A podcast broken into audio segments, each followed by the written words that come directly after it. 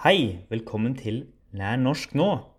I denne episoden skal vi snakke om Harry Potter-bøkene, spesielt med fokus på oversettelsen av dem til norsk. Jeg er en del av den generasjonen som vokste opp med Harry Potter. Det var søsteren min, som er to år eldre enn meg, som introduserte meg til Harry Potter-universet. Først var det filmene jeg så. På det tidspunktet hadde allerede den første og andre filmen kommet ut. Begge så jeg på norsk. I Norge er det veldig uvanlig å dubbe, altså oversette, filmer til norsk. F.eks. finnes det ingen norsk versjon av 'Ringenes herre', til forskjell fra mange andre land som har en sterkere kultur for å oversette og dubbe filmer. Dette er f.eks. mye vanligere i land som Tyskland og Spania. De to første Harry Potter-filmene ble derimot dubbet til norsk. Sannsynligvis fordi de ble oppfattet som barnefilmer. Barnefilmer blir nemlig dubbet til norsk, ettersom barn gjerne ikke klarer å lese tekst, og heller ikke har lært engelsk enda. Tegnefilmer fra Disney blir som oftest dubbet til norsk. Jeg husker enda da den tredje filmen hadde kommet ut.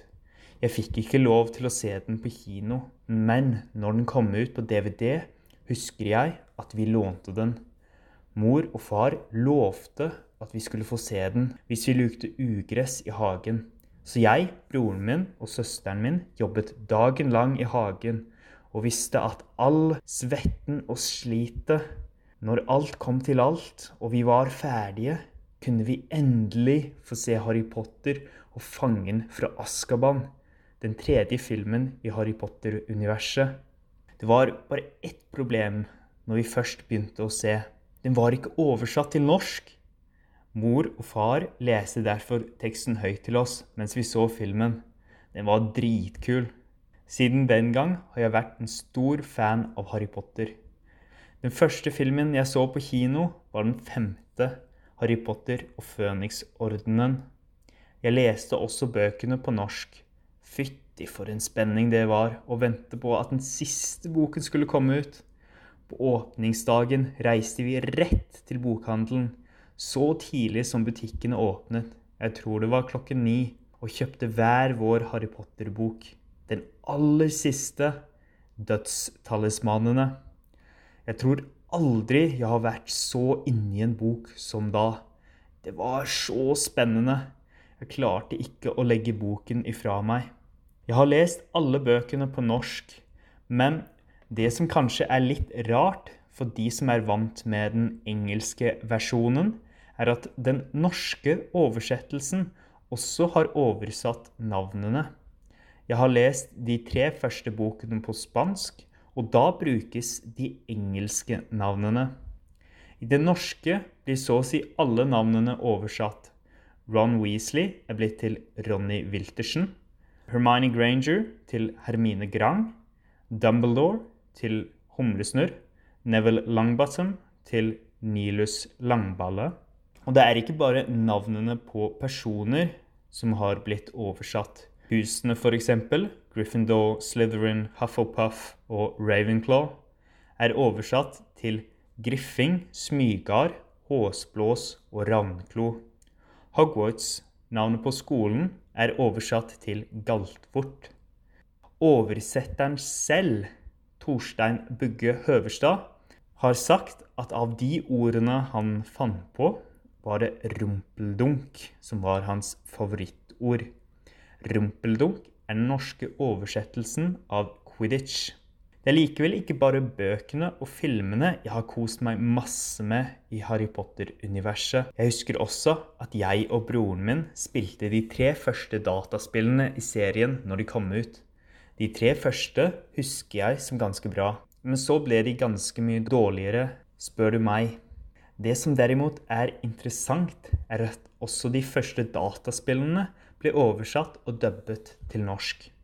Harry Potter har uten tvil hatt stor påvirkning på meg og mine søsken i vår barndom.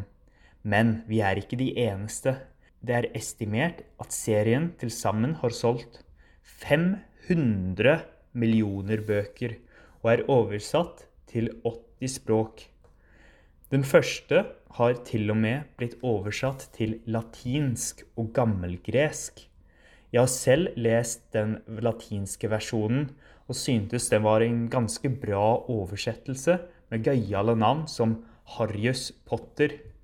Den gammelgreske var for øvrig den lengste boken publisert på språket siden 200-tallet etter Kristus.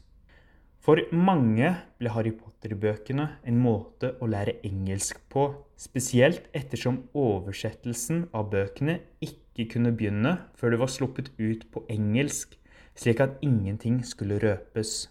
Dette gjorde at den femte boken i serien, Phoenix-ordenen, ble den første engelske boken til å noen gang toppe bestselgerlistene i Frankrike det finnes også en amerikansk-engelsk versjon av bøkene. I dag er det mange som fortsatt bruker Harry Potter-oversettelsene når de lærer seg andre språk. Harry Potter og De vises stein var f.eks. den første boken jeg leste på spansk. Jeg kjente jo godt til historien fra før av, og det var en god måte å begynne å lese spansk for min del. Jeg kan bare anbefale deg å prøve å lese de norske oversettelsene om du ønsker litt lesetrening på norsk. Takk for at du har hørt på denne episoden av Lær norsk nå. Kontakt meg gjerne via e-mail om du har noen spørsmål, forslag eller noe helt annet. E-mailadressen finner du i deskripsjonen. Takk for nå.